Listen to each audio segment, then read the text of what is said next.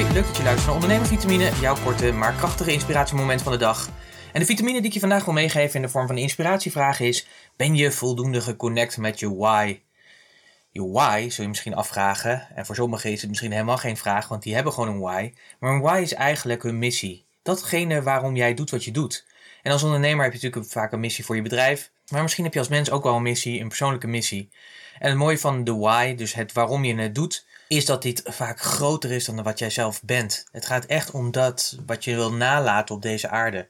Echt om wat je wil geven, zeg maar, met je bedrijf en misschien wel als persoon. Uh, geld, het gaat vaak niet over geld verdienen. Dat vind ik ook altijd het mooie van een why. Een why is echt de, de brandstof, de drijfveer, de dingen, ja, de reden waarom jij de dingen doet zoals je doet.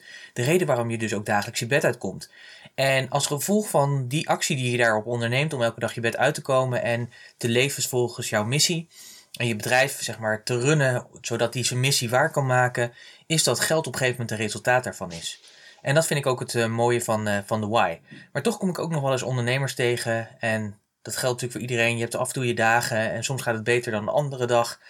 Uh, dat ze zeggen, ja, ik weet niet zo goed waarom ik het doe, zullen we maar zeggen. Weet je, waarom ik toch al die moeite en energie erin stop. En dan kunnen er gewoon twee dingen aan de hand zijn. Aan de ene kant kan het betekenen dat je dus onvoldoende, ja, een, een niet te groot, ja, een te kleine y hebt eigenlijk. Dus dat die y niet groot genoeg is. Dat die dus niet groter is dan wat jij bent. En het tweede element kan zijn dus dat je niet dus geconnect bent met die y. Dat je dus niet voldoende in verbinding ermee staat. Want ik ben echt van overtuigd als jij elke dag tijd neemt om even te connecten met de why, dus waarom je doet wat je doet, ja, dat je dan meteen lekker uit je bed komt en gewoon zin hebt om gewoon de dag in te gaan.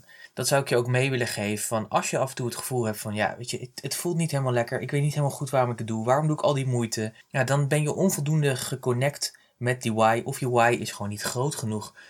En maak dus ook elke keer die connectie. En dat kun je dus op verschillende manieren doen. Je kunt er bijvoorbeeld voor kiezen om die why gewoon op te schrijven. Vaak weet je hem wel, want hij zit in je hart. Weet je, je kunt hem wel dromen als het goed is. Maar als dat nou niet zo is, schrijf hem dan lekker op. En als je ochtends wakker wordt, neem even 5 tot 10 minuten de tijd om die why tot je te laten doordringen.